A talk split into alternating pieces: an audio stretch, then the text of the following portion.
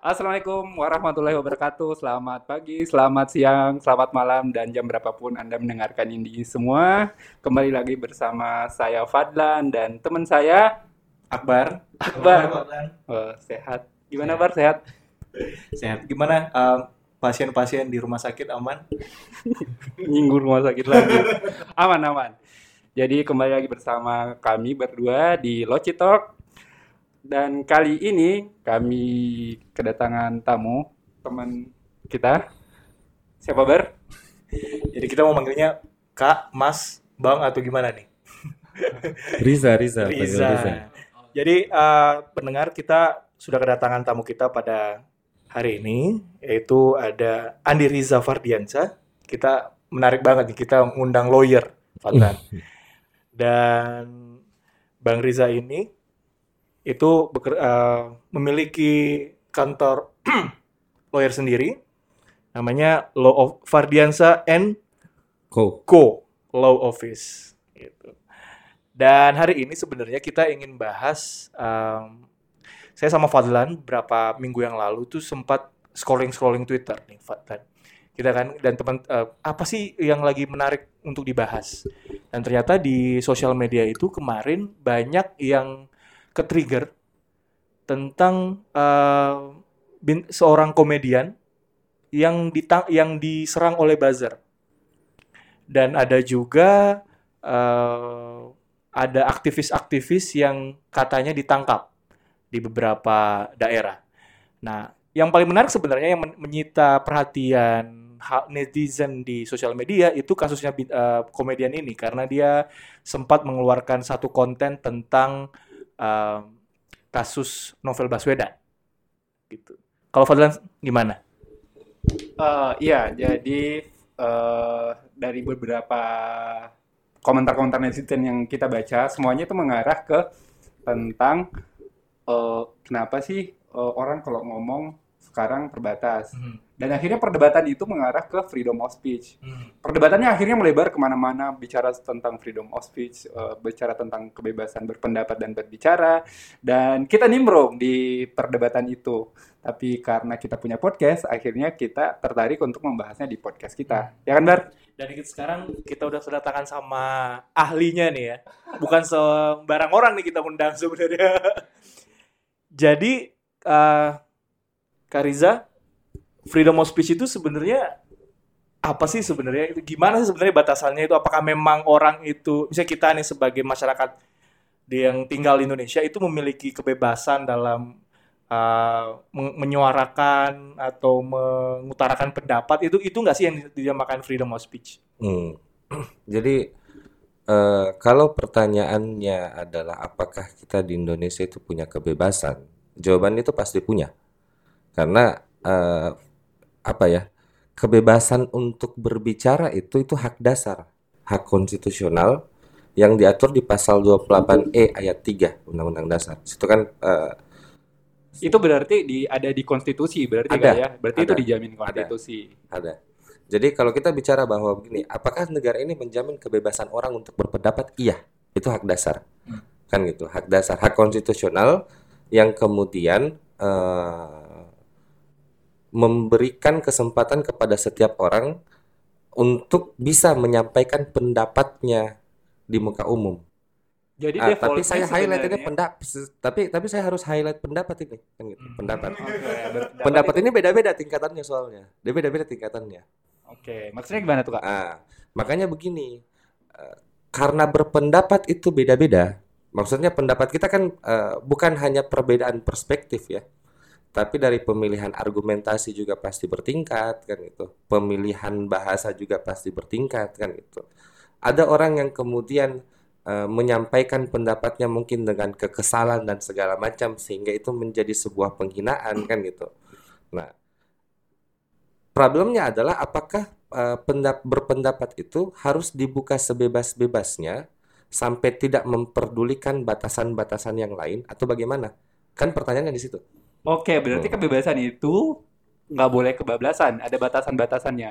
Uh, begini maksud saya. Jadi yang dimaksud dengan freedom of speech itu adalah bebas berbicara. Itu dulu dasarnya ya.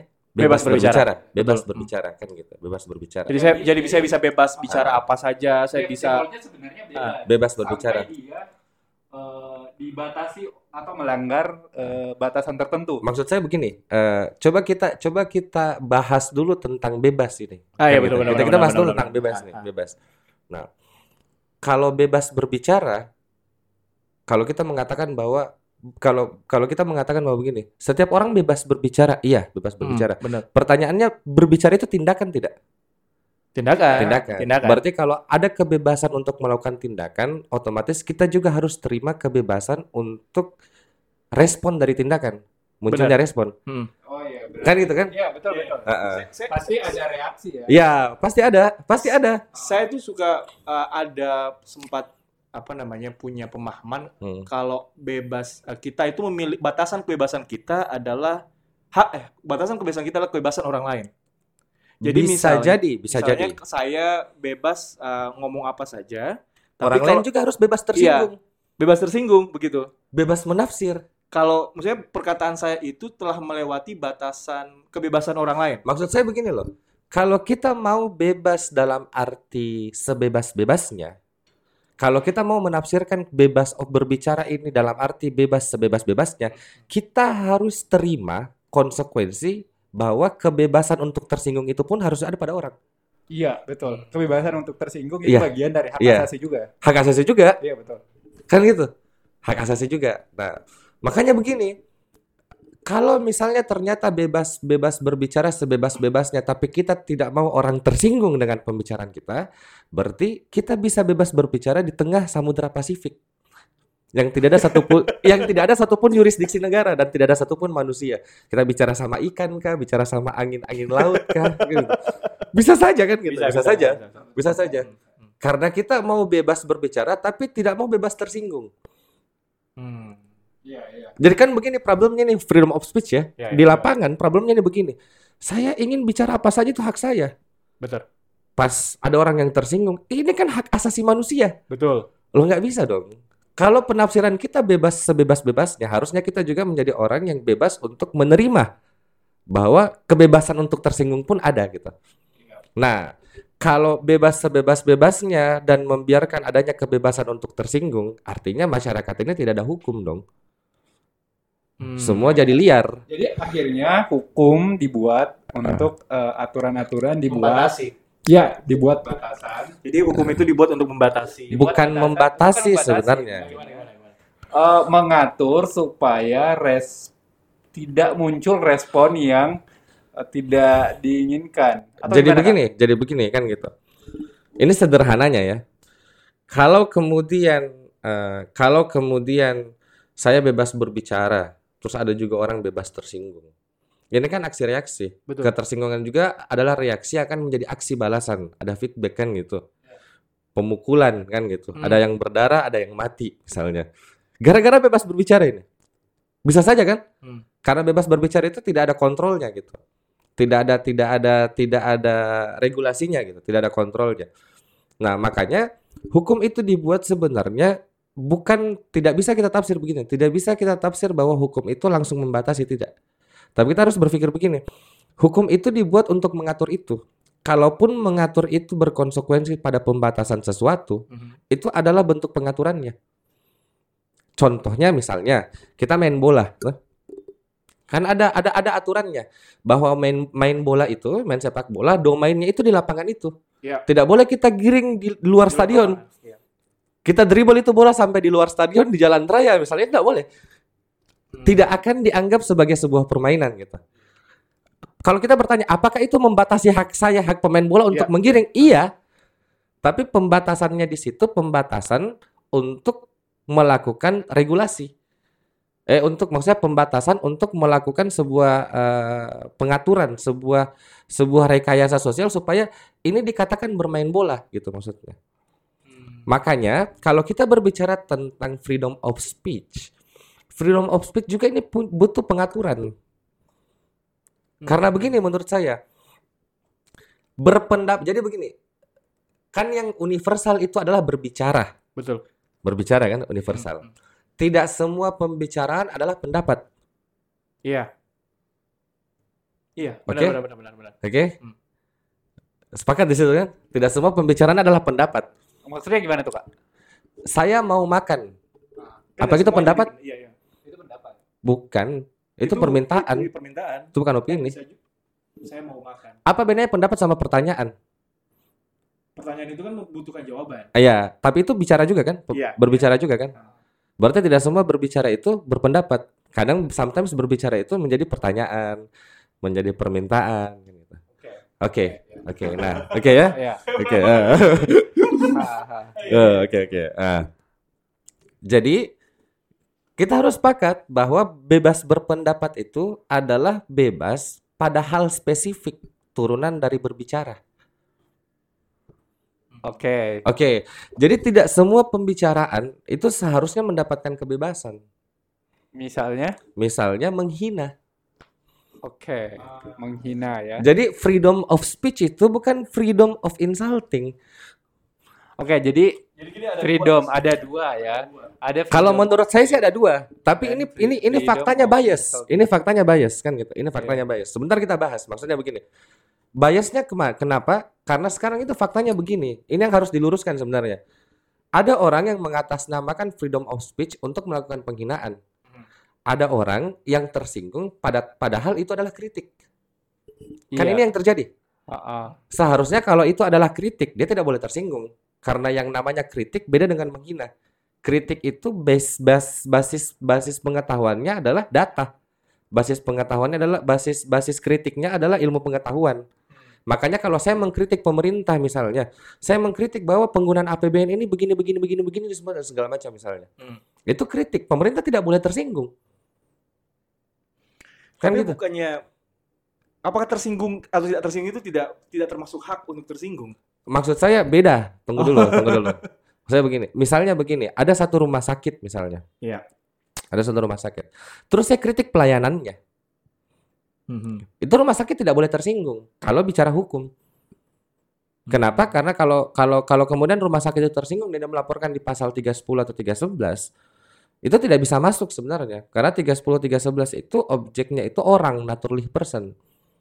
Objeknya. Oke, jadi objek hukum ketersinggungan itu kalau menurut pasal 310 itu eh, harus objek hukumnya harus orang ya. Subjek, subjek, Oh, subjek. sorry. Subjek hukumnya. harus orang. harus orang gitu. Oke. Harus orang.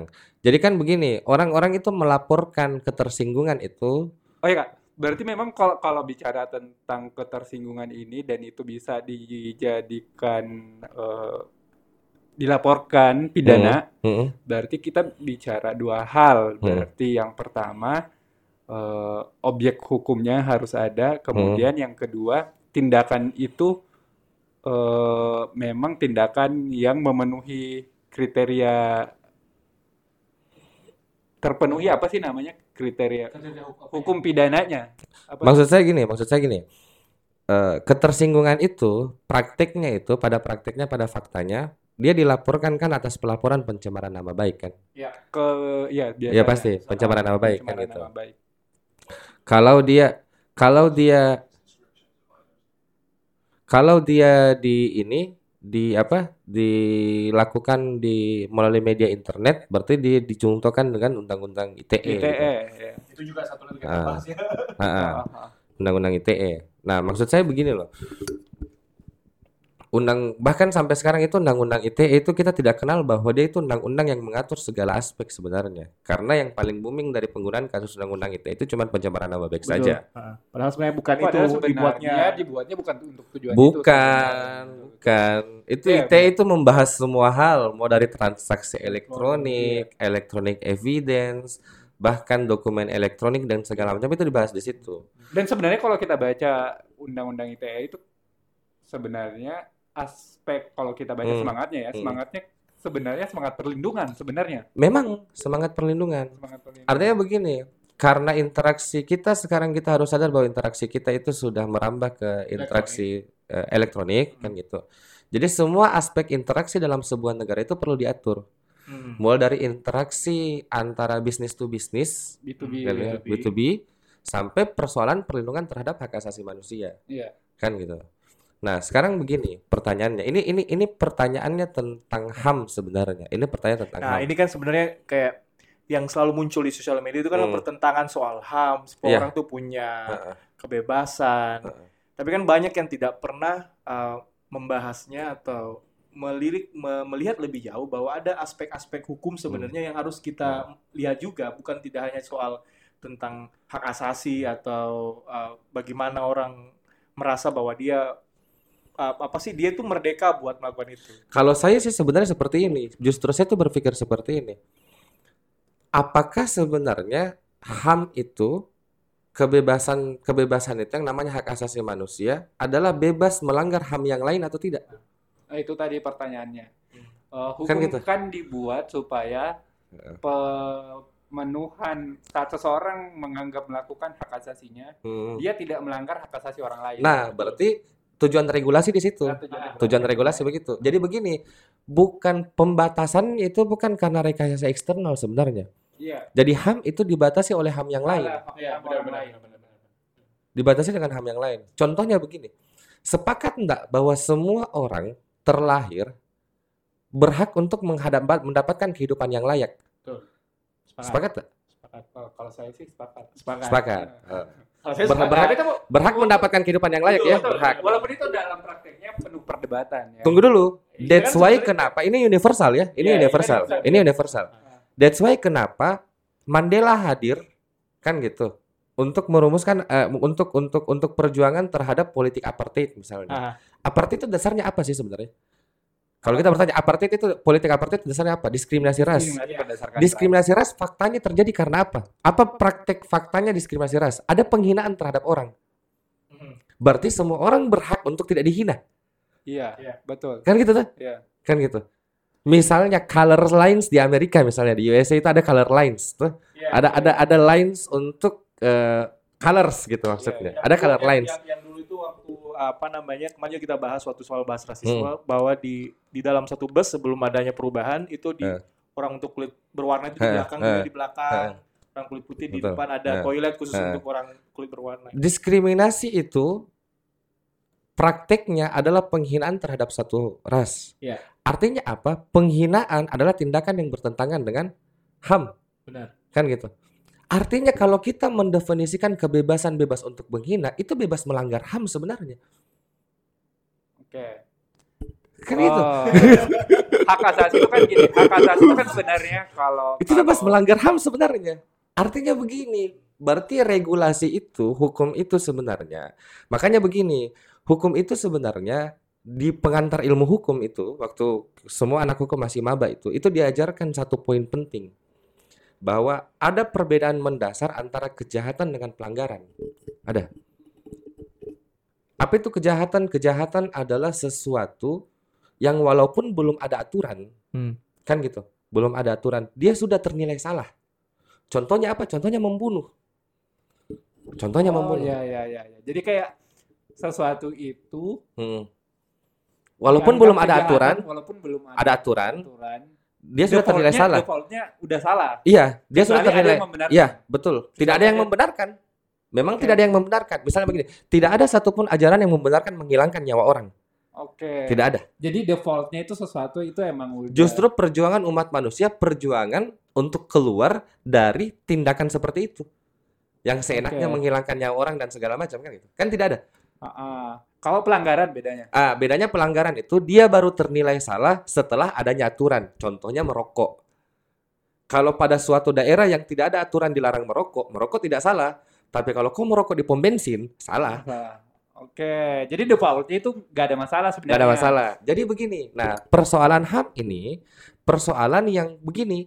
Ketika dia dia dia walaupun belum ada aturan, ketika dia dilanggar, dia sudah ternilai salah. Makanya HAM itu disebut dengan basic rights. Hmm. Basic rights disebut dengan basic rights maksudnya. Disebut dengan bukan basic rights, nama keduanya dari HAM itu disebut dengan non derogative rights. Iya, nanti. Hmm. Hak yang tidak bisa dibatasi. Dibatasi oleh apa? Oleh sesuatu selain HAM Iya. itu sendiri. Ah, oke. Nggak boleh dibatasi oleh hal lain kecuali Jadi Jadi dia bisa dia itu oleh HAM itu sendiri. jadi begini, hmm, jadi benar. terhadap HAM hukum itu cuman menstate saja kondisinya sebenarnya. Dia tidak melakukan rekayasa. Tapi dia men- menulis saja sebenarnya, menulis saja apa yang sudah teratur dengan kerangka HAM itu sendiri. Misalnya begini, hak asasi manusia adalah hak untuk mendapatkan kehidupan yang layak. Hmm. Tidak ada diskriminasi, tidak ada penghinaan. Hmm. Kan gitu. Otomatis ketika ada hak untuk bebas mengeluarkan pendapat, ini kan otomatis berbatasan dengan sendirinya. Hmm. Makanya tinggal dicatatkan saja. Bukan dibuat dalam bentuk norma yang melakukan regulasi terhadap sebuah kondisi. Jadi memang sudah pada dasarnya seperti itu. I see. Ini kita kalau bahas HAM juga ini akan Iya. beda beda beda episode lagi nih. Misalnya Iwan. begini, misalnya begini nih, misalnya begini. Ada si Fulan kan gitu. Hmm. Dia jadi kepala daerah. Dia jadi kepala daerah di sebuah daerah kan gitu. Tapi dia bukan orang dari daerah itu. Benar. Umpamanya dia jadi kepala daerah di daerah Batak. Saya bukan orang Batak. tapi dia saya. bukan orang Batak, dia orang Jawa. Hmm. Terus dikritik, eh Fulan dasar Jawa, eh Hmm. kan diskriminasi. Kan itu bukan kritik. Apa bedanya kau dengan apartheid gitu maksudnya? Hmm. Nah, ini harus harus kita sepakati. I see. Eh, kalau pakai kasus itu kak, kalau Eh. pakai contoh kasus itu, jadi kapan sesuatu itu disebut menghina, Mm. kapan sesuatu itu dianggap Eh. itu kritik? Makanya dalam konteks undang-undang pidana begini, kita harus bedakan. Jadi hukum itu begini, hukum itu saya saya saya urut dari awal ya. Yap, Nanti yap. terjawab. Sudah dari awal. Hukum itu ada dua subjek. Ada yang disebut dengan naturlich person, ada yang disebut dengan recht person. Iya, rek person. Recht person. Jadi recht person ini apa? Adalah subjek hukum yang dipersamakan dengan orang. Iya. Jadi Contoh. person, jadi sama-sama person kan, tapi di kata depan itu naturlich. Naturlich itu adalah orang. Orangnya. Kenapa disebut dengan naturlich person orang ini? Karena personnya itu, personanya itu terjadi secara natural. Iya, kayak Karena orang kelahiran. orang, Karena kelahiran. Kita ini persona secara natural gitu. Iya. Ada orang yang personanya itu berdasarkan kondisi hukum, status atau legitimasi norma yang disebut dengan recht person. Oke. Jadi dia menjadi person itu karena adanya aturan hukum atau Oke. produksi norma. Contohnya adalah perusahaan, lembaga, instansi, organisasi dan segala macam. Ini kemudian saya ingat ini Fadlan, filmnya Ted nih. Ingat nggak film Ted 2 yang dia meminta Oh nggak nonton pak. Maaf. yang dia boneka meminta menjadi warga negara. Nah, itu. Oh, Nah, iya, itu. iya, iya. Itu naturally i- dia kalau dia dia jadi warga negara TED 2 itu, dia jadi recht person. Karena dia Oke. awalnya bukan person secara natural natural.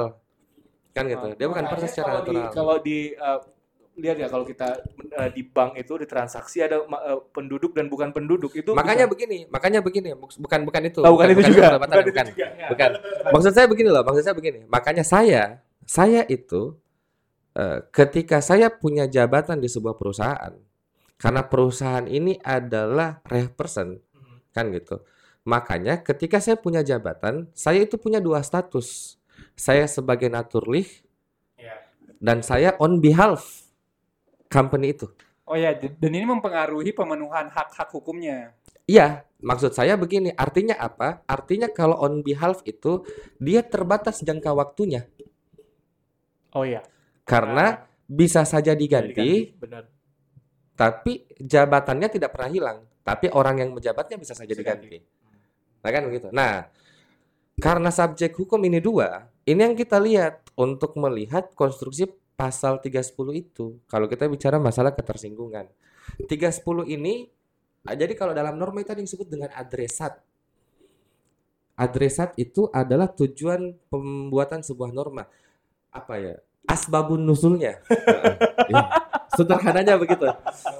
Eh. Asal usulnya. Ya asal usulnya. Eh, tujuannya, tujuannya, Tujuan- tujuannya, tujuan- tujuannya. tujuan. Eh, tujuannya maksud saya. Jadi begini, 310 itu adresatnya, adresatnya itu clear dia nama kata seseorang. Hmm. Kalau kita buka teks Belandanya sebenarnya itu pakai naturlich di situ. Artinya apa? Tidak ada pencemaran nama baik pada instansi, pada lembaga. Karena dia recht person. Oke, jadi eh, pencemaran nama baik itu nggak bisa di, di, di- Diletakkan. diri- dilakukan, tidak bisa di ditujukan pada reh person. Jadi begini, eh, doktrin itu begini, perso- eh, pem- pembahasan itu begini. Jadi kan konstruk pasalnya itu bahwa barang siapa menyerang kehormatan seseorang, menyerang kehormatan, seseorang, menyerang ya, Iya. menyerang dalam bentuk apa pun. Artinya apa? Kata-kata itu yang dipakai itu harus bisa ditafsir dalam sebuah kondisi bahwa dia adalah kata-kata yang menjatuhkan kehormatan, Oh, Seseorang. Untuk pemenuhan pasalnya berarti harus menyerang kehormatan, ke- menyerang kehormatan, kehormatan seseorang. seseorang. Seseorang. Seseorang ini harus Naturally, naturally. harus naturally. Oh, berarti person nggak bisa. Karena tidak ada kehormatan lembaga. Oh. Coba buka semua oke, anggaran dasar. oke, oke, Coba oke. coba Ya, coba ya, buka ya, semua ya, ya. anggaran dasar perseroan terbatas atau anggaran dasar organisasi. Ada enggak anggaran dasar tentang kehormatan? Bab kehormatan lembaga. Iya, berarti berarti sebenarnya kalau serangan terhadap eh, lembaga Heeh. atau serangan terhadap person yang Presiden misalnya.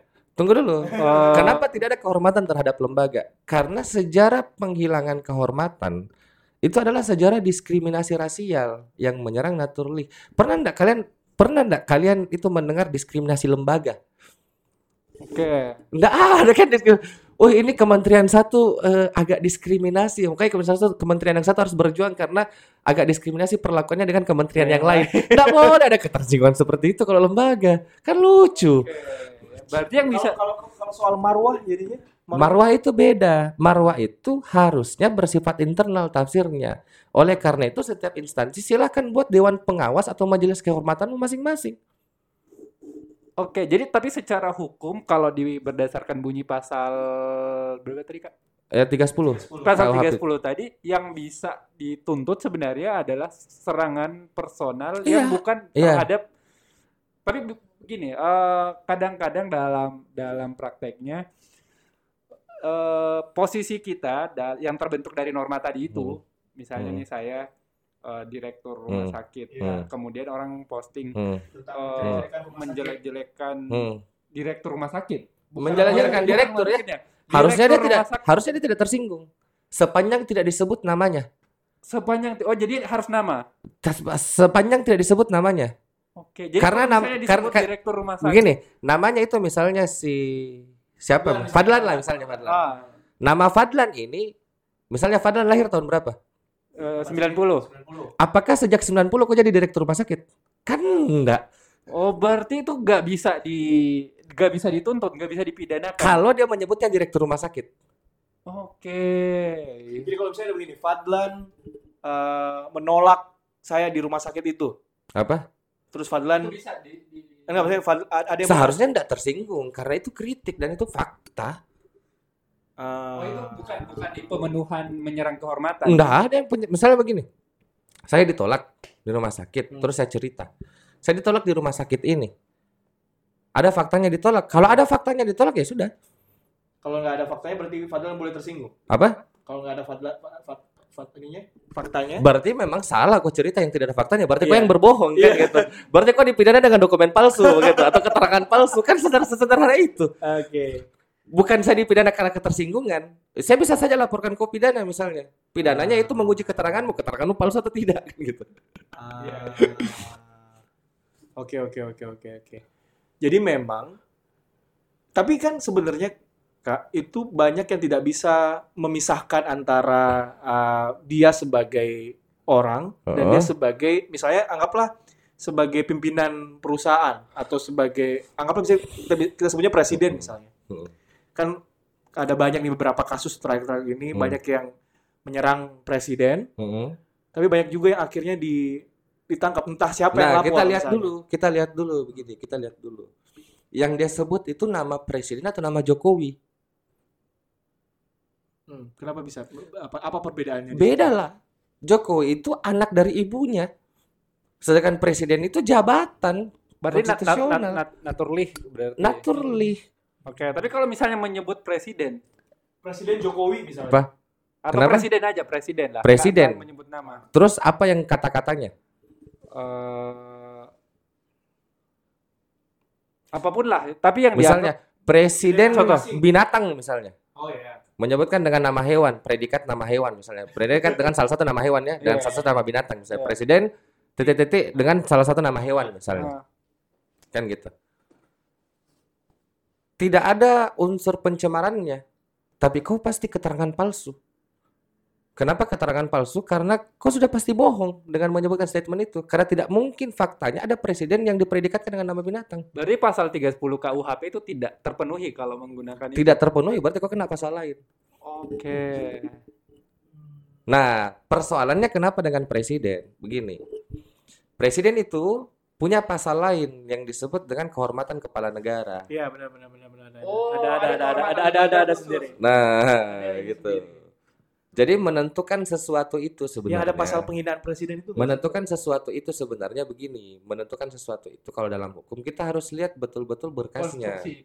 Konstruksi. Baru kita lihat ancamannya. Dia diancam pakai pasal berapa? Tidak bisa kita lihat di media. Tidak bisa. Iya benar. Karena media itu tidak mengerti, jujur saja. Dia tidak mengerti. Hmm. Ah, contoh kasusnya Bintang Emon misalnya. Iya. Kita contoh kasusnya Bintang contoh kasus Bintang Emon. Bintang Emon itu bukan persoalan hukum. Buktinya nggak dilaporkan sampai sekarang. Diserang sama besar aja kan. Iya. Iya. Hmm. Berarti dia terseret di isu politik. Kalau yang inilah kasus Bukan yang paling baru hukumnya. tuh yang soal uh, ada orang yang memposting kata-katanya Gus Dur Hmm, yang terus soal polisi. terus Terus dia dita- diciduk sama polisi. emang ditangkap? Emang dipenjara? Enggak. Enggak juga kan. Uh, tapi Siapa tahu untuk ngeteh Enggak, begini, begini, begini, begini, begini, begini, begini. Maksud saya begini, maksud saya begini. Jangan juga selalu berangkat menilai sesuatu dengan langsung negatif. ah Maksud saya begini, kita lihat polisi ya, kita Hmm. lihat polisi. Apakah polisi bisa salah? Jawabannya bisa. Polisi bisa melakukan kesalahan. Tapi apakah kalau polisi bisa melakukan kesalahan, kita harus negatif terus sampai kita mengatakan seolah-olah bahwa tidak penting ada polisi di dunia ini? Kan tidak begitu juga, maksud saya. Sama itulah sama dengan cara berpikir terhadap melihat HAM gitu. Jangan sampai begini, jangan sampai kita menjadi orang yang membela satu HAM tapi sebenarnya itu adalah mendiskriminasikan HAM yang lain. hmm. Jadi kita harus paham itu naturalnya HAM itu bagaimana.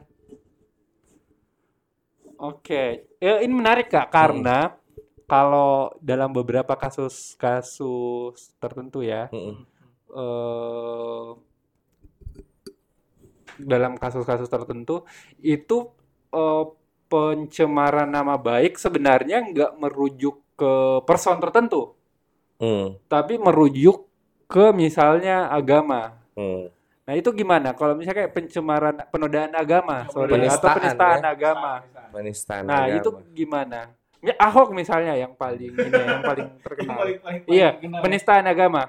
Itu kalau kalau itu kalau nggak salah pasal 156 ya. Atau yang paling Pasal lucu-lucu sebenarnya pasal yang lucu-lucu itu uh, soal pelaporan uh, saya ada orang Padang tersinggung atau kemarin tuh ada kasus kayak orang Bali, ah, bukan orang Bali ya, apa ya kayak ada satu daerah yang tersinggung karena ada ah, Jogja lah misalnya aja pernah kasusnya Jogja itu. Mm. Oh iya, Yang orang cerita soal Jogja katanya gimana-gimana Iya, terus akhirnya yang waktu mahasiswa mantan Iya, maksudnya. mahasiswa Jogja terus cerita tentang apa kejelekan. kejelekan waktu di Jogja, tinggal di Jogja dan itu diancam untuk dilaporkan sama itu dilaporkan sih. oh dilaporkan ya, dilaporkan sama Bagaimana itu konstruksi hukum? warga Jogja karena dianggap menjelek-jelekan Jogja. Saya tidak bisa nilai secara langsung sih, karena bicara hukum itu bicara tentang pembuktian yang detail sebenarnya. Oh iya, iya. Nggak bisa. Sama dengan seorang dokter. Oh, dia harus Lebih telepon. langsung. Dok, saya sakit kepala. Uh, banyak kemungkinannya ini. kan gitu. Coba betul dokter nih. Kau terbentur kah? Kan gitu. Iya benar. Otakmu berjamur kah? kan banyak bisa kemungkinan. jadi ya. Bisa jadi, bisa Ya, jadi. itu bisa banyak kemungkinan. Bisa kemungkinan. Nggak Makanya, makanya Harus dilihat harus observasi. observasi ini dia sebenarnya dilaporkan atas pasal apa Ah. dan harus ditelaah pasal itu. Begitupun kalau saya bicara hukum sebenarnya tidak bisa itu. Oh begini begini begini begini. Menurut hukumnya bagaimana? Tunggu dulu, panggil dulu, Iya, lihat dulu betul. berkasnya, Lihat berkasnya. observasi dulu, tanya dulu semua saksinya, baru kita bisa menemukan konstruk hukumnya. Kalau ini Karena Kak, kalau hukum itu bisa diterapkan hanya dengan satu kali cerita, itu melanggar asas hukum yang disebut dengan presumption of innocence. iya preasumsi orang tidak Bayangkan bersalah. ya begini maksud saya. Ini ini ini yang ini yang orang sering salah mengerti maksud saya. Hukum itu sangat ketat loh masalah presumption of innocence. Makanya persidangan itu berlarut-larut. Artinya apa? Membuktikan satu orang bersalah itu memang harus dikasih susah. Tidak boleh Iya. sederhana. Karena itu persoalan hak. Iya, betul, betul. Persidangan itu sampai berlarut-larut, bahkan sampai satu tahun hanya untuk menentukan apakah orang itu salah atau tidak. Tidak. Tapi masyarakat dengan enaknya di luar langsung mengatakan itu salah. Iya, betul, betul. Kan aneh. benar benar benar benar benar benar benar. Iya. Kan aneh kan gitu. Begini, tidak semua loh orang itu mau dicip, mau dibilang salah. Enggak semua. Siapa tahu dia tidak salah. Siapa yang mau bertanggung jawab untuk nama baiknya dan segala macam.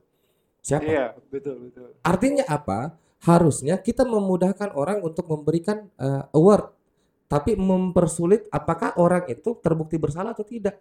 Iya, betul. Itu bersita. Bahkan ada setelah, setelah selesai misalnya satu tahun di pengadilan misalnya 8 bulan di pengadilan masih ada opsi banding karena persoalan hak. Masih Iya. ada opsi kasasi karena persoalan hak. Masih ada opsi PK karena persoalan hak. Betul. Bahkan masih ada uh, remisi asimilasi karena persoalan hak. Hmm. Ah, kalau pertanyaannya tapi itu kan kemudian banyak cheating. Ah, berarti bukan sistemnya. Kita bicara masalah mentalitas aktor. Oh iya iya iya. Maksudnya begitu. Itu problem yang terpisah ya. Ah, problem terpisah. Tapi yang harus dibahas adalah bahwa panjangnya prosedur hukum itu artinya ada penghargaan tetap terhadap asas presumption of innocence. Artinya Betul. tidak semudah itu kita bisa menganggap orang bersalah. Iya, iya. Tidak hanya dari dari dari dari statement atau cerita satu cerita itu oh susah. Jangan Iya, sampai karena itu menyerang kehormatan juga. Iya. Karena bicara pembuktian hukum Bicara itu pembuktian. harus ketat. Ketat banget. Iya, betul. Eh, tapi kalau ini kak yang terkenal sekali, kalau kasus Ahok Iya, kita bahas itu Iya, tadi. Nah. Ahok itu eh, itu kan kayaknya semua orang udah tahu dia ngomong Iya. apa waktu di Pulau Seribu itu, terus dia dikenakan pasal 156 eh, ayat A itu dan dihukum berapa bulan sih waktu itu? Mungkin tidak apa-apa ya karena itu kasus sudah selesai ya. Ya, udah Iya, udah selesai. kita itu Iya. bisa jadi Ini Ini pendapat jadi- saya pribadi ya. Iya. Saya harus menegaskan di podcast ini bahwa ini pendapat saya Oh, pribadi. bener dong. Ya kita kan menggunakan Richard Iya. sebagai pribadi. Heeh. Pendapat pribadi saya begini. Kalau pertanyaannya eh, itu eh, yang ngedit itu ditangkap enggak? Juga enggak. si Oh, Oh, si ditangkap, yang- ditangkap. yang- yang ini Eh, ditangkap. siapa sih namanya? John Doe. Bukan. Bukan. ya? BY BY BY inisial BY. Lupa, lupa. Siapa namanya? Ya pokoknya Ya, ada oh, ada- ya, ada- ya. ada. Yang pertama kali menyebarkan Iya, dan mengedit itu. yang Iya, ngedit. iya, ya. Eh, Dia dia terbukti itu dia dia di- dia di- dia dia dan dibuktikan didakwa. Didakwa. Didakwa. Oh iya iya iya. Jadi yang- terpidana yang dosen itu ya. Iya, siapa Yang- ya? Iya ya oke lah itulah. Ya, Iya, itulah. Yang lulusan Amerika itu kan. Iya iya iya iya iya. iya. Tapi sih beneran lupa sebenarnya. Iya. Bukan karena kamu nyebut nama. Iya iya. iya. lupa. Maksud saya begini, dia dia dia itu faktanya terbukti terbukti mengedit enggak? Benar. Terbukti. Terbukti. Kalau Terbukti mengedit. kalau kalau Di eh, persidangannya dia. Persidangannya Di persidangannya dia Terbukti. terbukti mengedit kan? Iya. iya, Berarti editan. Kan terbukti mengedit. terbukti mengedit. Di persidangannya pelaku ini Berarti editan. berarti editan. Berarti tidak memenuhi pasal. Tunggu dulu. Ah. Oke. Tapi persoalannya ini splitting. Berkasnya terpisah, persidangannya terpisah. Persidangan itu pemisahan berkas. Oh, tapi berkas persidangan yang satu nggak bisa dijadikan bukti untuk Kalau splitting, Ah. nggak bisa dijadikan berarti bukti. pertimbangannya pertimbangan lain. Kalau bicara tentang kasusnya Ahok, kenapa Ahok dihukum? Kita harus baca lagi baik-baik berkasnya. Berarti pertimbangan lain. Tapi kalau pendapat saya, ya sederhananya lihat saja kasusnya yang satu, Satu. ini. Apakah Oh, dia terbukti mengedit atau tidak? Kalau terbukti mengedit ya sudah itu editan. Atau kasus lain kak, kasus lain. tapi mirip, mirip misalnya. Tapi tetap tetap pasal 156. Ah. Nah, pasal 156 itu pasal tentang penodaan Ah. agama. Karena ini karena ini mirip-mirip. Eh, atau mungkin pertanyaannya jadi lebih luas deh. Hmm. Misalnya, kapan sih sesuatu omongan itu bisa disebut melakukan Melanggar. memenuhi Iya. memenuhi pasal 156 itu memenuhi pasal penistaan dan penodaan sebuah agama? Yang mana yang dianggap? Misalnya Ah. kalau saya bilang begini, eh orang Islam ada yang jadi teroris. Hmm. Apakah itu bisa disebut penistaan? Tunggu dulu, tunggu dulu. Makanya untuk hal jadi jadi hukum itu dalam dalam proses pembuktian kan gitu. Eh, ada ada dua macam bukti, ada bukti tertulis kan gitu. Ada kesaksian, Ada kesaksian, betul. kesaksian. Ada pendapat ahli. Pendapat ahli, benar. Kan itu pendapat Iya, ahli. benar. Pendapat ahli ini ditujukan untuk apa? Untuk ah, subjek sub eh untuk eh, apa hal-hal spesifik kan gitu yang butuh tafsir otoritas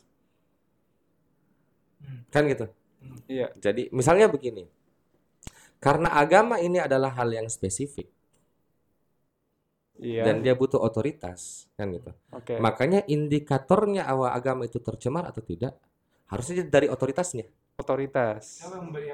Nah, problem ini karena kan gitu harusnya dari otoritasnya ada otoritas. ini. otoritas keagamaan ya bukan otoritas hukum positif artinya kalau misalnya di Islam harus ulamanya Iya. yang menentukan itu tercemar atau tidak makanya ulama Tapi kan pasti otoritas dihadirkan- dari da- otoritas agama itu kan tidak tunggal. Tunggu dulu itu Beda tafsirmu- mi- beda tafsirmu bisa- terhadap agama di Nah, itu agama dia, lain bisa saja tunggal Iya, misal Di Katolik, Katolik tunggal Katolik tunggal. Katolik Nah, tunggal. nah, problem kalau misalnya Hindu. Eh, oh saya nggak tahu, saya bukan orang Hindu. Nanti kita tanya orang Hindu bagaimana Iya, orang otoritasnya. Istinya artinya begini, tapi kita bahas sidangnya saja kan gitu. Oke, bahas tidak. Dalam sidangnya makanya ketika kita kalau ketika kita begini, pencemaran agama-agama Hindu harus dihadirkan ahli dari pemuka agamanya. Siapa yang dianggap di Hindu itu bisa menafsirkan punya otoritas kan gitu dan dimintai pendapatnya Hmm. apakah menurut dia agama Hindu terhina atau tidak, tercemar atau tidak dengan ini, ternistakan atau tidak dengan ini, itu Hmm. kan gitu.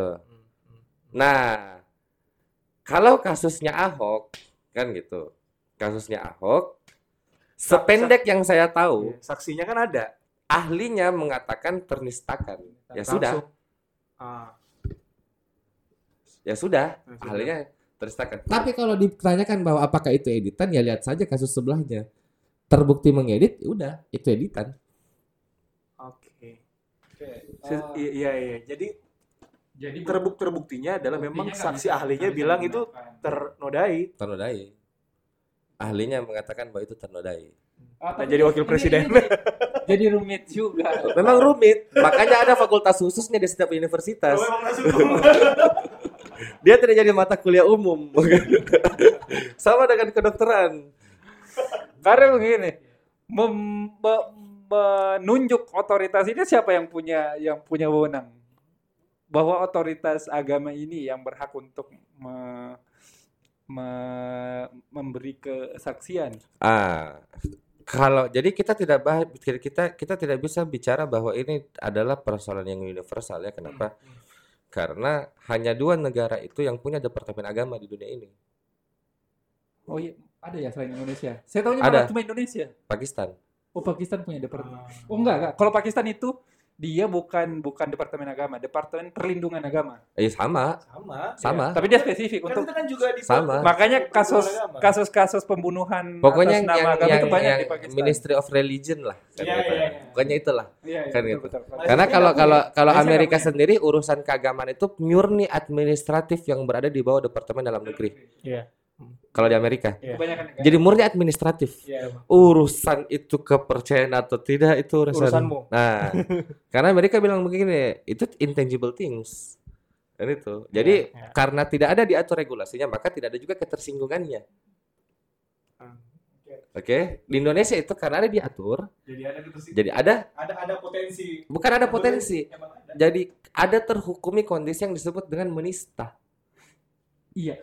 Eh, Karena ada diatur, karena ada diatur. Hmm. Tapi kalau mau dikatakan, saya secara pribadi akan mengatakan pasal penistaan agama ini karet. Yes, yes. Kenapa karet? Ya jujur saja harus bilang bahwa bahkan perbedaan firkah pun misalnya, Iya. perbedaan eh, perbedaan Benar, benar. jangan kan perbedaan firkah ya, perbedaan siapa ulama idola lah. Itu bisa Itu bisa jadi penistaan. Penistaan. Bisa, bisa. Benar, benar. Fadlan misalnya suka somat, saya suka Aagim misalnya. Siapa tahu nanti suatu saat Aagim dengan Ustadz Somad beda pendapat, oh bisa jadi wah ini nih bisa saling melapor bisa. Iya, itu dia. Itu dia. Sebenarnya niat awalnya di pasal 156 ini apa sih Kak, sebenarnya? Saya kurang tahu nggak tahu. Ya karena kalau dipikir-pikir ya, kenapa sih? Saya eh, juga bertanya itu. Iya. Nawa Kalau- itu karena kalau misalnya gitu? semua ident kalau semua identitas agama itu perlu dilindungi, harusnya ada identitas perlindungan suku, ide, apa pasal perlindungan suku, perlindungan eh, ras, perlindungan warna kulit. Sebenarnya itu selesai di persoalan diskriminasi. Hmm. Iya. Kalau kita paham diskriminasi, maka kita tidak akan pernah melakukan tindakan yang menyerang apa pun itu. Predikat-predikat sosial yang melekat pada orang. Hmm. Hmm. Nggak mungkin. Cukup dengan persoalan memahami bahwa ada HAM dan setiap orang tidak boleh diperkenalkan diskriminasi. Hmm. Harus dijaga kehormatannya. Kan nggak mungkin kan kita baru teman baru kenalan sama satu orang, hei bro dan segala macam. Kok agama apa? Saya agama ini. Wah agamamu itu kan begini-begini. Kan mungkin. Ya mungkin. Ya sudahlah maksudnya, sudahlah. Oke. Kembali ini Kak tentang ah, freedom of speech ya. Eh, freedom of speech. kita kayak dari jauh tadi sampai bahas agama. Nah, sebenarnya ada juga timbul permasalahan Hmm. karena banyaknya kasus-kasus yang akhirnya yang tadi kan sebenarnya ada ada aturannya, ada Hmm. regulasinya sehingga orang bisa melapor dan segala macam, tapi kan uh, pada implementasinya banyak yang melapor itu adalah Hmm. orang-orang yang dekat dengan pemerintahan misalnya. Hmm. Akhirnya hadirlah uh, sebuah wacana, Hmm. sebuah pernyataan Hmm. bahwa negara itu represif dalam uh, me- me- me- menekan warga negara untuk berekspresi, untuk mengeluarkan Hmm. pendapat Hmm. dan segala macam. Gimana Hmm. kalau dari pandangannya Kari? Ah, ini ini ini ini ada beberapa hal dari dari ini ada Hmm. beberapa hal yang berbeda yang harus saya bahas. Nah, gimana? Pertama, kalau dikatakan bahwa banyaknya orang yang melapor itu dari lingkaran negara. Kalau saya harus diberikan keterangan yang terpublish, Hmm. yang terpublish. Karena kalau kita lihat di administrasi kepolisian, lebih banyak yang tidak terpublish, yang tidak ada urusannya sama negara. Tapi dengan pasal 310 banyak sekali. Banyak. Nah, sekarang pertanyaannya pertanyaan kedua kemudian begini, apakah negara represif dengan melakukan pelaporan? Ah, sekarang saya tanya. Kan gitu. Sekarang saya tanya. Apakah kita adalah termasuk orang yang menganggap bahwa penghukuman jatuh di tingkat pol kepolisian atau di pengadilan? Hmm. Harusnya difonis, pengadilan, iya. difonis, fonis pengadilan, putus pengadilan. Artinya apa? Artinya begini, kita harus lihat lagi yang kedua, apakah semua laporan itu diproses atau tidak? Karena banyak yang cuma baru dilaporkan di sama polisi Publish sudah media, merasa iya iya iya. Publis media Eh. ribut lagi Ribut. organisasi. Wah ini begini begini begini. Polisi begini. negara represif Padahal polisi tidak proses itu. Kenapa? Karena yang dihina presiden yang melapor si A. Nah ya itu. Nah itu kan, Kan banyak sebagai- aduan. Benar-benar itu kan delik aduan Makanya polisi tidak proses. Karena delik aduan. Jadi ya. jadi presiden harus presiden harus tenang, presiden. tenang saja loh, tenang-tenang saja loh presiden. Misalnya saya presiden, Iya. Tuh, Akbar hina saya, Fadlan merasa teman saya dia melapor, saya nggak melakukan apa-apa ini, kan gitu. Datang Weni sebagai organisasi, wah karena karena Fadlan melapor dan Fadlan adalah orang saya, saya ini represif. Si Weni. Padahal polisi tidak proses laporannya. Mereka aja bertiga yang ribet ini. Iya iya. Seringnya begitu. kan gitu. Seringnya begitu. Kan gitu. Eh, kalau misalnya gini kak, kalau misalnya eh bisa nggak sih delik aduan itu dilaporkan ol bukan oleh subjeknya? Eh, oh, apa sih namanya? Nggak Iya, bisa, nggak bisa. Nggak bisa ya. Karena begini, nggak bisa Diwakilkan. dong. Yang bisa wakilkan itu pengacaranya kalau surat kuasa. Oh, jadi yang yang bisa hanya pengacara. Kuasa hukum karena dia Kuasa secara hukum. resmi terbang sebagai kuasa hukum. Kan kuasa hukum tidak bisa semua orang kuasa hukum kan gitu. Oke. Bisa. Berdasarkan undang-undang ya, nggak bisa semua orang jadi kuasa hukum. Nah, maksud saya begini loh. eh, apa ya? Apa saya bilang tadi? Maksud saya begini. eh, kadang itu makanya itu tadi saya bilang bahwa ini sekarang persoalan freedom of speech ini Mhm. penafsirnya eh, bias, ketersinggungannya juga bias. Yang ribut juga jadi bias gitu maksudnya. Hmm. Kenapa saya bilang bias? Orang-orang kemudian mengatasnamakan freedom of speech ini adalah kebebasan berbicara sebebas-bebasnya. Iya. Iya, betul. Tapi struktur HAM antara hak yang satu secara natural berbatasan dengan hak yang lain. Kebebasan berbicara tidak berarti bebas melakukan penghinaan yang ketika itu terlembagakan menjadi bentuk diskriminasi dan penjajahan. Hmm. Itu kan sebenarnya penjajahan terjadi karena adanya penghinaan terhadap satu golongan tertentu sebenarnya. Iya. Hmm. Karena kita merasa satu golongan tertentu itu lebih rendah daripada golongan kita, makanya kita menghina dan segala macam. Makanya waktu kolonial, waktu zaman kolonial ada yang istilah inlander dan segala Iya. macam kan Ah, gitu. ah, ah. Itu kan bentuk-bentuk penghinaan. Hmm. Artinya untuk bebas dari untuk betul-betul menegakkan HAM, kita harus menegakkan dua hal, bebas berbicara dan tidak boleh melakukan penghinaan. Karena itu juga HAM, itu juga Ham HAM, juga. HAM juga maksudnya. Hmm. Makanya tafsirnya adalah freedom of speech bukan freedom of insulting. Hmm. Freedom apa? Freedom to insult people gitu maksudnya. Jadi um, jadi menarik sebenarnya ada juga yang uh, mempertentangkan ini kak apa namanya antara free speech dan hate speech. Sekarang eh, contohnya begini, Iya, contohnya nah. begini, contoh-contoh sederhana ya. Kekerasan eh, perempuan, kekerasan terhadap perempuan, apakah itu fis ah, sekarang itu apakah fisik atau ada juga kekerasan secara verbal? Ada, ada Dasarnya kekerasan verbal itu apa? Penghinaan kan? penghinaan, catcall, catcalling gitu ya. Kekerasan verbal itu Eh. Banyak macamnya. Saya nggak Iya. belum Salah satunya penghinaan kan? salah Iya. satunya. Artinya memang dilarang menghina dalam bentuk apa pun.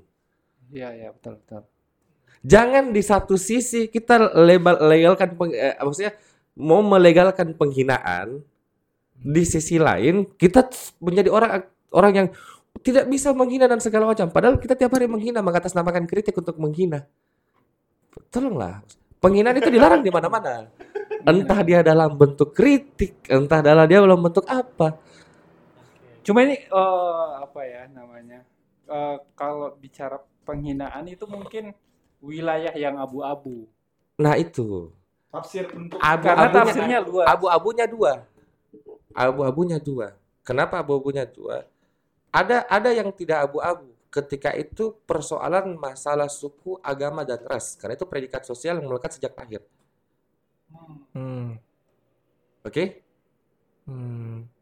Jadi kalau misalnya, oke lah, kalau misalnya kasih contoh, kalau misalnya Sarah itu semua orang yang terlahir langsung ada predikat itunya.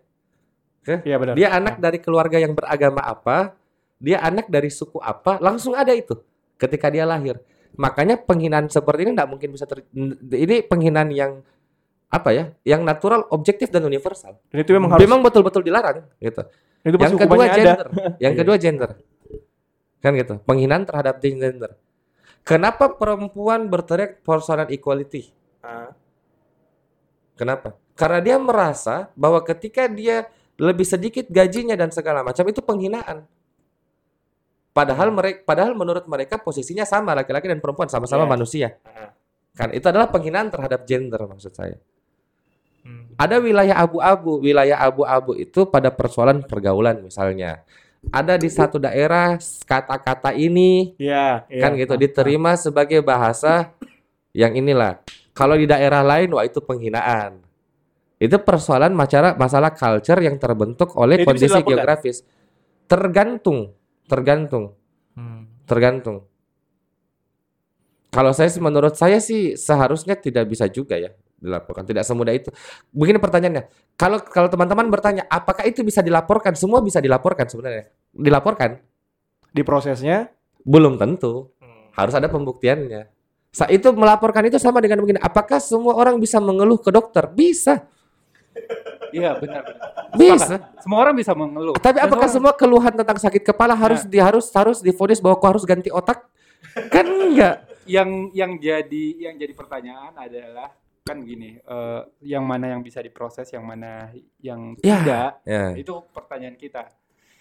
Kapan sesuatu itu bisa diproses? Diproses karena kalau diproses itu berarti eh, polisi menganggap Terpenuhi eh, buktinya, terpenuhi. terpenuhi ada unsurnya. bukti, kemudian unsur-unsur di pasal Iya, yang dilaporkan iya, itu terpenuhi unsur-unsurnya. Eh, Nah, kan kalau bicara unsur-unsur berarti kita harus menafsirkan eh, pasal itu Hmm. literally. literally. Eh, Iya. Ada metode penafsiran di hukum. Oh, banyak, gitu. banyak. Ada Oh, extrinsic, nggak cuma- intrinsic bukan. Nggak cuma literally ya. Bukan. Ada extrinsic, intrinsic, historis, banyak model penafsiran. Oke, oke, Banyak, oke, banyak. Banyak Yang sekali. jelasnya harus memenuhi unsur-unsur itu. Saya belajar itu satu semester. Jadi podcast ini bisa enam bulan. Kalau saya coba bahas tentang masalah penafsiran, sumpah. Iya, Iya, intinya bahwa eh, tidak satu. bahwa pasal-pasal itu Tidak harus, satu. harus ditafsirkan. Jadi met- iya harus ditafsirkan. Jadi metodologi itu, jadi penafsiran itu adalah metodologi terhadap hukum. Sama Iya. dengan dalam dalam dalam sains-sains yang lain ya. Metodologi pendekatan yang dilakukannya tidak satu. betul betul. Karena bisa saja basic casesnya berbeda. Eh, apakah Basic case-nya semua berbeda. semua metode penafsiran itu harus terpenuhi atau cukup satu saja? Eh, jadi itu akan menjadi pilihan. Oh pilihan. Pilihan. Jadi begini, eh, misalnya antara, jadi kan begini, an- di persidangan itu ada hakim, ada eh, lawyer, ada penuntut umum, Iya, pidana lah ya, iya. pidana lah ya, pidana. Anggaplah eh, pidana Requisitor, lah. Eh, ada jaksa, pidana. requisitor, ada pe- penasihat hukum, ada hakim, kan Iya. gitu. Hakim itu fungsinya apa? Dialah yang menjadi penafsir final. Dia menjadi penafsir final. Ya, Jadi si penasihat hukum memberikan tafsirnya untuk melakukan pembelaan, requisitor melakukan tafsirnya untuk melakukan penuntutan. Titik keadilannya ditentukan di final tafsir oleh hakim. oleh hakim. Betul. Jadi ada tiga tafsir. Ada tiga tafsir. Kenapa seperti itu? Karena kalau cuma satu tafsir, buat apa ada sidang? Ya, langsung- Pencurian, Iya. kan gitu. Pencurian, ya hukum aja semua lima tahun. Hmm. Tapi ada orang mencuri karena lapar. Ada alasan yang meringankan dalam hukum. Kenapa? Karena kondisi sosial yang berbeda. Iya, oke. Hmm. Ada orang mencuri karena hobi, karena serakah. Ada. Ada. Dan itu hukumannya akan jadi berbeda. Harusnya berbeda, adilnya berbeda. Justru Makanya- kalau sama justru nggak adil. Makanya begini, perdebatan hukum itu jangan diprotes pada perbedaan hukumannya. Tapi pada apakah proses pembuktiannya betul-betul sudah memenuhi kualitas pembuktian atau tidak. Oke, ini yang paling saya sepakat. Karena Harusnya kalau berbeda, harus berbeda kualitas adil. prosesnya eh, kualitas prosesnya yang disoroti. Memang tidak bisa sama. Bayangkan kalau semua kita paksa sama. Yang paling akan kena siapa? Orang-orang kecil yang mencuri. Iya, merusak. betul. Sama-sama lima tahun. Di situ tidak ada tidak ada persoalan. Di pasalnya tidak Kalau ada di pasal kan cuma maksimal. Siapa barang siapa mengambil barang milik orang lain Akan yang bukan barang miliknya bla, bla, bla, dihukum bla. dengan tag lima tahun selesai. Iya, betul. Apa motivasinya? Bayangkan kalau kita paksa sama. Ini orang tidak sadar protes. Dia hanya melihat satu kasus. Wah ini tidak adil. Kenapa sih dituntut? Yang ini dituntut ringan, itu dituntut mahal. Artinya mau apa? Saya tanya. Terus mau mau apa? Harusnya kan sama. Eh, kok bayangkan kalau sama siapa yang hancur? Yang mereka-mereka ini. Iya, betul. Makanya harus beda. Makanya yang dinilai itu bukan dari kualitas tuntutannya, tapi argumentasi. Jadi kalau bahasa hukum itu rasio legis. Rasio legisnya untuk sampai di tuntutan itu apa? Itu yang kita diskusikan. Oke, kembali ke pasal yang tadi Hmm. kan, ke pasal eh, penafsiran pasal ya. Eh hukum itu kan proses pembuktiannya harus ketat ya, Seharusnya, harusnya ketat seharusnya ya. ketat. Jadi harusnya eh, sebuah pasal itu harus dibuat setegas mungkin, Heeh. harus menghindari pasal-pasal karet. Iya. Karena kenapa kalau misalnya semakin banyak pasal Hmm. karet, Hmm. semakin besar kemungkinannya eh, proses pembuktiannya bisa melebar ke mana-mana Hmm. dan semakin banyak orang bisa Hmm. dipidana. Hmm. Padahal Hmm. pidana itu kan Hmm. harus seketat mungkin. Ah. Eh, kalau misalnya di di Hukum. di apa namanya? Kalau misalnya Kak Riza ditanya eh, pasal pasal pen- apa penghinaan ini gimana dibuat supaya tidak tidak karet atau menghindari Nah, menghindari bagaimana caranya menghindari penafsiran yang karet terhadap sebuah pasal? Iya, Kan gitu. Ajukan judicial review di Mahkamah Konstitusi minta tafsir. itu itu forumnya. Oke. Itu forumnya. Jadi tafsir itu membuat Jadi Mahkamah Konstitusi tafsir. itu punya beberapa wewenang. Salah satunya memberikan tafsir terhadap undang-undang. Yang lain adalah sebagai negatif legislator. Negatif legislator maksudnya. Eh, negatif legislator itu begini, dia Dia membatalkan dia, ya? dia dia berposisi sebagai legislator untuk membuat undang-undang tapi dengan cara yang negatif.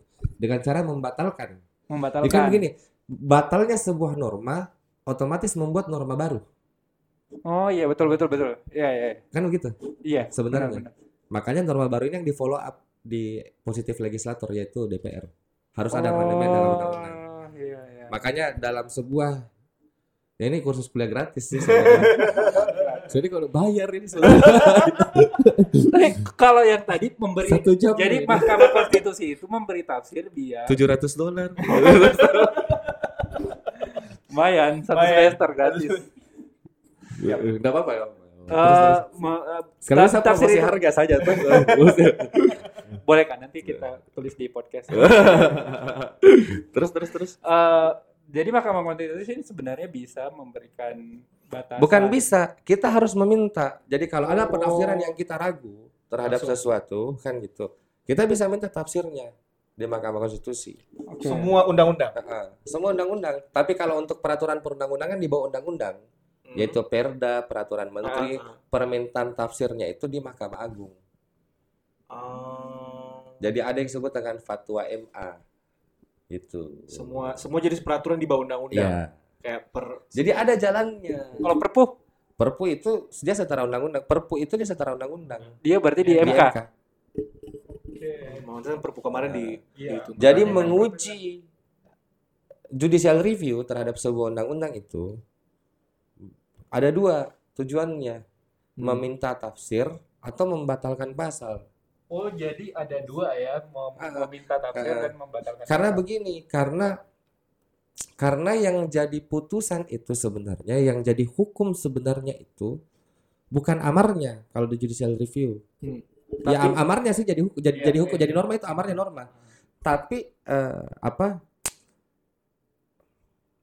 Ada yang disebut sebenarnya memori fantolechting. Saya dasar dasar pertimbangan saya ba- apa ya? Bagaimana saya menyebutkan? Iya. Saya coba cari bahasa sederhana. memori memori apa sih namanya? Iya, iya, ya iya. sering disebut ya. Ah, maksudnya begini.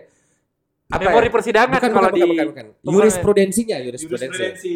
Yang jadi jurisprudensi itu yang menjadi yang menjadi presiden itu adalah pertimbangan hakimnya. Itulah tafsirnya sebenarnya. Jadi makanya kalau orang hukum baca putusan dengan orang non hukum yang baca putusan itu beda cara bacanya. Oh, jadi Ada pasti baca dari pertama siapa nama pihaknya. Kita Iya, tidak iya, langsung cari amar buka amar, amar apa, loncat ke pertimbangan hakim. Pertimbangan hakim apa, merujuk oh bukti ini kita lihat buktinya kembali, loncat-loncat. Begitu cara bacanya. Nggak dari awal sampai akhir baca Mau apa? Baca dari apa? oh, jadi pertimbangan hakim itu Itulah yang menjadi dasar terbentuknya amar. Iya. Begitu. Nah, Itulah sebenarnya yang jadi konten hukum, yang jadi doktrin, yang jadi dasar. berarti se- oke oke. Artinya apa? Artinya dalam sebuah proses judicial review yang kita inginkan adalah tafsirnya dari majelis hakim konstitusi. Tafsirnya apa terhadap sesuatu. Ah, makanya saya bilang tadi proses judicial review itu ujungnya bisa dua. Bisa membatalkan sebuah norma, bisa meminta tafsir saja. Hmm. Ini kita jauh banget nih Fadlan nih pembahasannya Ya. udah udah udah udah udah sampai kuliah gratis hukum nih. Tapi 700 per- dolar. 200 dolar. Ingat ya nih rate-nya ya. Tapi terakhir Kak, sebelum kita uh, menutup ini, uh, jadi kan sebenarnya kenapa kita bahas freedom of speech ini? Karena kan memang agak menarik karena semua bahkan semua kayak tetangga atau siapa pun Hmm. itu sekarang gampang sekali tersinggung dalam dan bilang, eh nanti saya lapor ya, atau misalnya tiba-tiba dia eh, ini melanggar undang-undang ITE loh, gitu. Ini Hmm. dengan gampangnya masyarakat kita itu ngomong seperti itu Hmm. karena dia merasa dia uh, powerful dal uh, punya punya apa ya kayak punya pegangan dalam melaporkan orang Oh. kayak gitu. Ap- apakah itu sebenarnya fenomena bagaimana saya menurut kakak fenomena seperti itu orang kan sekarang oh enak nih masyarakat me- melek atas peraturan tapi kenapa tiba-tiba Oh, dia dipakai nggak melek sih. nggak melek juga ya namanya melek juga. kayak gitu Maksudnya begini loh. Hmm. Oh, kalau kita tidak mau orang cepat tersinggung, kita juga jangan terlalu cepat bicara. iya dong. Kan gitu, iya dong. kan gitu, iya dong. Jadi kan begini, kita harus sepakat itu bahwa penghinaan itu hanya dilahirkan oleh orang-orang yang memang apa ya, konten argumentasinya sedikit. Jadi Hmm. karena dia tidak bisa menemukan eh, pola-pola Pola. argumentasi yang intelektual, referensinya sedikit ini, Hmm. kan gitu referensinya sedikit literaturnya sedikit ya apa Hmm. ya eh, unliterasi saya sebenarnya illiterate. Illiterate. Ya kalau illiterate dia lebih kepada penyakit sih. Unliterasi aja maksudnya kayak ada enable disable tuh. Ah. Disliterasi atau unliterasi gitu. Ah. Terserah lah bagaimana istilahnya. maksudnya. Karena makanya dia tidak bisa menemukan eh, apa ya eh, diksi-diksi yang lebih sopan yang lebih apalah sebenarnya. Dan kalau orang memang kalau sama kalau orang memang betul-betul punya pengetahuan, saya yakin dia pasti akan berpikir tiga kali untuk bicara terhadap sesuatu. Contohnya contoh sederhana adalah ketika topik itu. Jadi ini yang saya bilang tadi, yang waktu kita bicara di kafe tadi kan. Iya. Hukum dengan dokter itu dengan kesehatan itu sama sebenarnya. Mhm. Bedanya apa? Bedanya hukum ini jadi konsumsi publik saja, Iya. iya. sehingga dia diperbincangkan oleh banyak orang. Mhm. Dokter kesehatan tidak. Tapi pola penanganannya sama. Sama-sama butuh observasi untuk menentukan sebuah treatment. Mhm. Mhm. Tidak langsung satu kali datang. Misalnya ada orang yang minta untuk saya membuat legal opinion terhadap sebuah kondisi hukum. Hmm. Itu tidak satu kali datang cerita. Saya minta dokumen, terus kita meeting lagi, saya tanya lagi, saya observasi konfirmasi lagi. mendalam, baru. pertanyaan segala Kan gitu. macam. Makanya mahal. Sama Karena dengan dokter, makanya juga Sama. mahal. Iya, iya. karena iya. kerjanya karena kerjanya itu berdasarkan maksudnya begini kerjanya itu adalah kerja-kerja pengetahuan gitu Ah, maksud ah, saya kerja kerja kerja pengetahuan tapi karena kesehatan itu adalah hal yang private tidak menjadi opini publik Mhm. sedang diskursus publik sedangkan wilayah hukum dekat sama politik tersorot Iya, oleh media Iya. Mhm. apa ya berada dalam spotlight ya Ah, dia ah, lah ah, saya hukum ah. itu kan gitu makanya eh, dia me- dia pasti menjadi diskursus yang bisa dikomentari oleh banyak orang Hmm. komentar banyak orang inilah yang membuat itu jadi bias Hmm. contoh paling sederhana itu begini contoh paling sederhana ketika ada orang ditangkap apa pun itu Mhm. opini masyarakat akan rame-rame menuduh di bawah oke lah kau salah kau penjahat Iya, iya, iya. padahal baru ditangkap. Padahal ada kasus presumption of inno- ada ada asas presumption, of innocent. Padahal kalau yang ditangkap itu keluarganya, dia yang akan setengah mati klarifikasi. oh belum tentu kan gitu. I see. Kan gitu. Oke. Eh, wow, panjang sekali eh, pembincangan kita hari ini. Eh, terima kasih. Ada lagi Fadlan yang mau ditanyakan? Udah ya? Sebenarnya banyak. sekali. Tapi kan tadi udah satu Kita jam. kita kita kita kita lanjut di tempat ngopi saja. Iya, nanti kita akan lanjut mungkin Kak Riza kalau Kak Riza punya waktu. Ah, nanti kita bahas uh, topik banyak sebenarnya topik yang bisa dibahas sama Karisa. Ada sisi dua ada kita bisa bahas HAM. Tadi sebenarnya masih masih mendalam harusnya kita bahas HAM atau tentang eh, kita juga bisa bicara tentang disintegrasi bangsa misalnya atau tentang pemisahan itu Iya, banyak soal karena kan? bicara hukum itu ya apa sih yang nggak diatur oleh hukum? Iya benar. Iya, Semua jadi- regula, semua semua hal- hal di dalam republik ini ya diatur oleh hukum kan? Iya, dan menjangkau. Dan aktor-aktornya harus sehat. oh iya, ini penting karena Iya, karena Betul, betul, betul. Ini bisa bicara lain lagi. karena karena kadang-kadang orang kalau bicara soal hukum, kita kadang-kadang ngomentarin sesuatu itu eh, bias, biasnya adalah eh, aktornya yang bermasalah, pelaksa prakteknya yang bermasalah, pelaksanaannya yang bermasalah, tapi yang kita kritik kadang-kadang adalah eh, Hukumnya. konten hukumnya, konten pasal. Padahal kadang-kadang yang bermasalah adalah pelaksanaannya. Tapi itu Di mungkin lain. akan kita bahas di Ya, sesi kita bahas lain. sebenarnya. Terima ya, kasih, bukan Kak apanya, Risa. kita nggak bisa bayar. Nggak bisa bayar. Iya, Terima kasih Karisa sudah hadir. gitu. Terima kasih sudah hadir di podcast. Wasito. Nanti buat yang ingin eh, apa namanya memfollow Kariza bisa eh, di Instagram atau di di Facebook ya paling sering ya. Di deskripsinya, deskripsi. Ada ada akun YouTube-nya juga. Akun YouTube-nya apa kak? ada Riza Fardiansyah. Risa Fardiansyah. Jangan lupa follow eh, saya Akbar di Twitter dan Fadlan. Yang jangan lupa follow Locitok dan Walaupun Anda akan menyesal. sampai jumpa di episode episode selanjutnya. Terima kasih. Terima kasih.